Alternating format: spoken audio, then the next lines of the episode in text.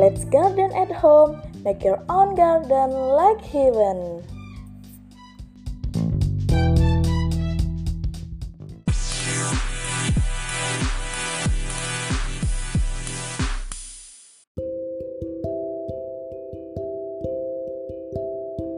Assalamualaikum warahmatullahi wabarakatuh. Halo semuanya, bagaimana kabarnya?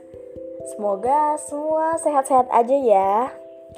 Nah, ngomong-ngomong, kenalin, aku Sinta, podcaster dari podcast Let's Garden at Home, Make Your Own Garden Like Heaven. Nah, pada podcast perdana ini, aku akan ngasih tahu ke kalian tentang informasi-informasi pertanian, yaitu berkebun di rumah.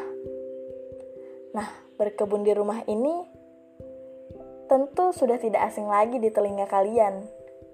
Karena berkebun di rumah ini rata-rata dilakukan oleh orang-orang yang memang hobi bercocok tanam ataupun ibu-ibu rumah tangga yang suka mengisi lahan-lahan kosong di rumahnya dengan tanaman-tanaman yang bermanfaat. Karena seperti kata novelis dari Irlandia yaitu George Bernard Shaw, berkebun adalah satu-satunya pekerjaan yang tidak diragukan lagi manfaatnya. Nah, jadi udah kegambar kan kalau emang berkebun di rumah itu penuh manfaat. Selain berkebun di rumah yang mengenai manfaatnya, aku juga akan ngasih tahu ke kalian tentang bagaimana sih caranya untuk mengelola dan menjaga tanaman-tanaman kalian yang merupakan hasil berkebun kalian di rumah ataupun bagi kalian yang ingin direkomendasiin tanaman-tanaman apa saja yang bisa ditanam di pekarangan rumah dengan lahan yang seadanya, ini tepat banget buat kalian.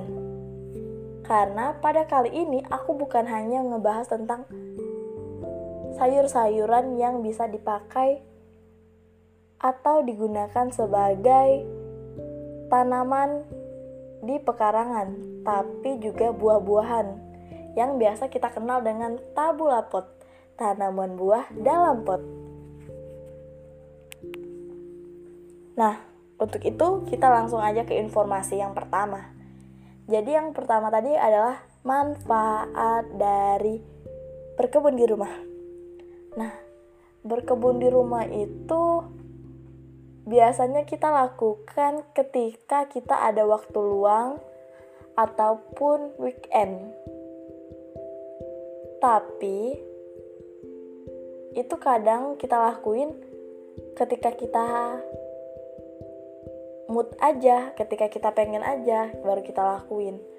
Padahal pada kenyataannya berkebun di rumah itu banyak banget loh manfaatnya untuk kesehatan. Jadi misalnya kalian ngerasain stres ataupun penat, kalian gak harus liburan apalagi seperti kayak sekarang kan di masa pandemi yang kalian itu tidak memungkinkan untuk terlalu banyak kegiatan di luar rumah yang apalagi berinteraksi dan orang lain. Nah, kalian bisa manfaatin berkebun di rumah ini untuk menjadi ladang liburan kalian, ladang cuci mata kalian karena sebuah pepatah pernah mengatakan bahwa Apabila kita stres, kita sering melihat tanaman-tanaman hijau, maka stres kita akan hilang. Oleh karena itu, kita sangat dianjurkan untuk memanfaatkan lahan-lahan kosong di rumah kita dengan menanam tanaman-tanaman hijau yang bisa menyejukkan mata.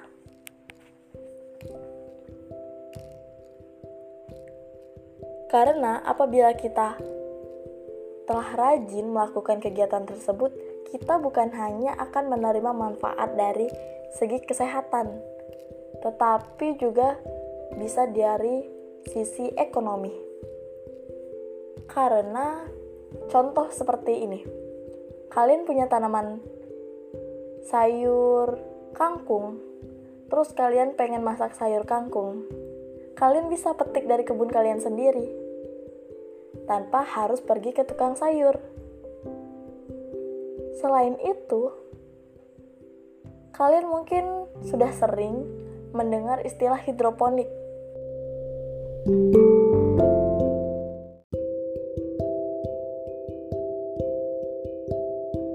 Hidroponik ini sendiri berasal dari kata Yunani, yaitu hydro yang berarti air dan ponos yang artinya daya.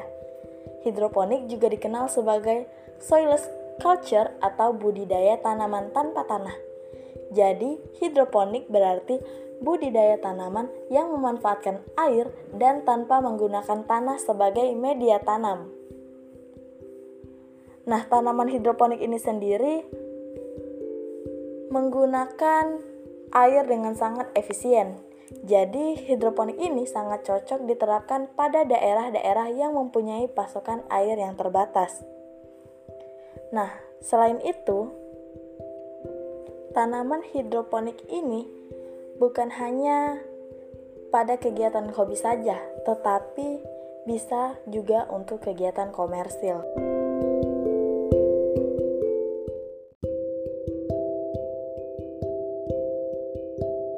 Adapun jenis tanaman yang memiliki nilai ekonomis yang cukup tinggi sebagai budidaya hidroponik adalah paprika, tomat, timun Jepang, melon, terong Jepang, dan selada. Nah, adapun tahapan untuk menanam hidroponik ini sendiri adalah yang pertama, melakukan pembibitan. Hal ini bertujuan agar mutu buah atau sagi yang dihasilkan cukup optimal. Kemudian yang kedua ada penyemaian. Sistem hidroponik bisa menggunakan bak dari kayu atau plastik. Bak itu berisi campuran pasir yang sudah diayak halus, sekam bakar, kompos, dan pupuk kandang dengan perbandingan 1-1-1-1. Semua bahan tersebut dicampur rata dan dimasukkan ke dalam bak dengan ketinggian sekitar 7 cm. Masukkan biji tanaman dengan jarak 1 x 1,5 cm. Tutup tisu atau karung atau kain yang telah dibasahi supaya kondisi tetap lembab. Lakukan penyiraman hanya pada saat media tanam mulai kelihatan kering Buka penutup setelah biji berubah menjadi kecambah. Pindahkan ke tempat penanaman yang lebih besar bila pada bibit telah tumbuh minimal dua lembar daun. Setelah itu, dilakukan dengan persiapan media tanam. Syarat media tanam untuk hidroponik ini sendiri adalah mampu menyerap dan menghantarkan air, tidak mudah busuk, tidak mempengaruhi pH, steril, dan lain sebagainya media tanam yang bisa digunakan untuk hidroponik ini sendiri dapat berupa gabut, sabut kelapa, sekam bakar, rockwool atau serabut bebatuan. Kemudian, isi kantung plastik, polybag, pot plastik, karung plastik, atau bantalan plastik dengan media tanam yang sudah disiapkan. Nah, apabila kalian ingin membuat greenhouse, Greenhouse ini bisa dibuat dari rangka besi, rangka bambu, atau rangka kayu. Greenhouse ini bisa digunakan untuk menyimpan tanaman pada saat tahap persemaian ataupun pada saat sudah dipindah ke media tanam yang lebih besar. Kemudian, selanjutnya adalah pupuk. Karena media tanam pada sistem hidroponik hanya berfungsi sebagai pegangan akar dan perantara larutan nutrisi, untuk mencukupi kebutuhan unsur hara makro dan mikro, perlu pemupukan dalam bentuk larutan yang disiramkan ke media tanam. Kebutuhan pupuk pada sistem hidroponik sama dengan kebutuhan pupuk pada penanaman sistem konvensional. Dan yang terakhir adalah perawatan tanaman. Perawatan pada sistem hidroponik pada dasarnya tidak berbeda jauh dengan perawatan pada penanaman sistem konvensional, seperti pemangkasan, pembersihan gulma, ataupun penyemprotan pupuk daun. Di Indonesia, hidroponik yang berkembang pertama kali adalah hidroponik substrat. Hidroponik substrat ini tidak menggunakan air sebagai media, tetapi menggunakan media padat, bukan tanah, yang dapat menyerap atau menyediakan nutrisi air, dan oksigen, serta mendukung akar tanaman seperti halnya fungsi tanah.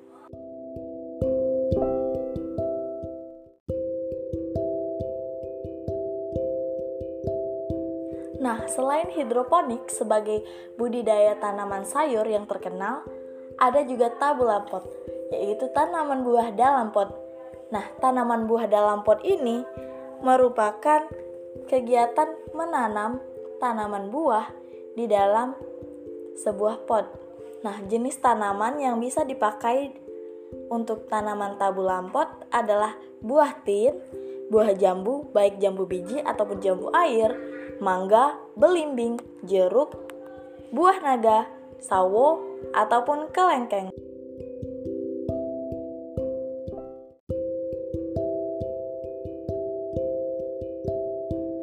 Adapun langkah-langkah untuk menanam bibit tanaman ke dalam wadah tabu lampot, yang pertama adalah menyiapkan bahan-bahan media tanam kemudian ayak dan buang kerikil-kerikil yang ada di dalamnya.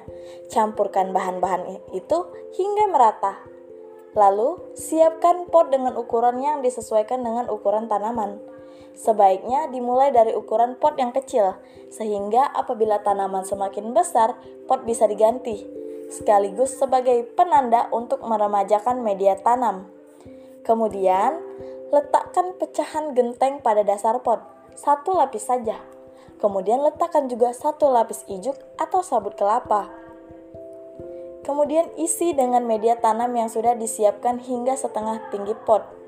Untuk mengurangi penguapan, pangkas sebagian daun atau batang bibit tanaman. Kemudian buka polybag bibit tanaman, letakkan tepat di tengah-tengah pot.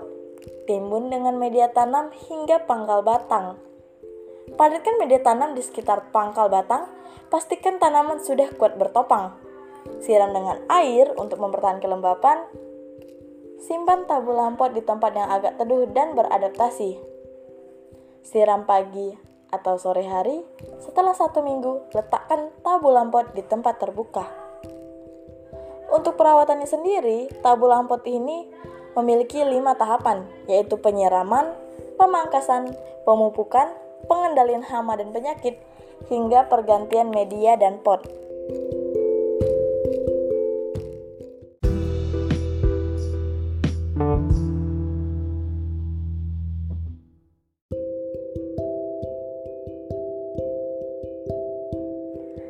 Gimana nih setelah dengerin informasi-informasi yang aku sampaikan tadi? Tertarik gak? Kalau aku sih semakin tertarik ya, karena ternyata hidroponik dan tabul lampot ini banyak banget manfaatnya dan itu juga menjadi peluang bisnis yang cukup menjanjikan ya. Apalagi kan di tengah pandemi saat ini kita kondisi ekonomi cukup terpuruk.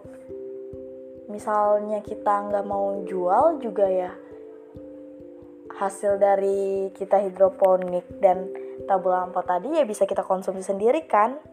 Jadi kita lebih hemat, terus juga makan kita lebih sehat karena kita lebih tahu sumbernya dari mana. Dan itu juga bisa ngilangin stres.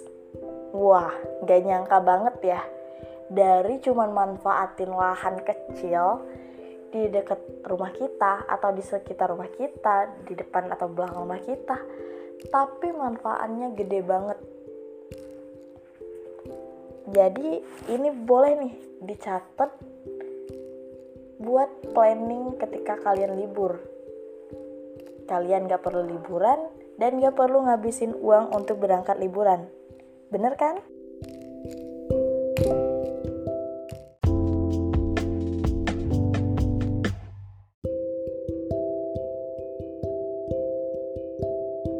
Ya gardener, jadi mungkin hanya sampai situ informasi yang bisa aku sampaikan hari ini.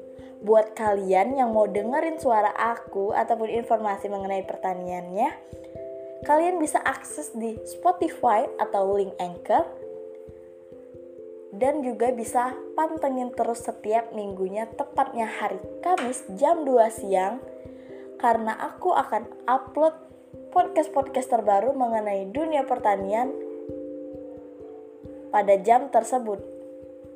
Ingat, let's garden at home, make your own garden like heaven.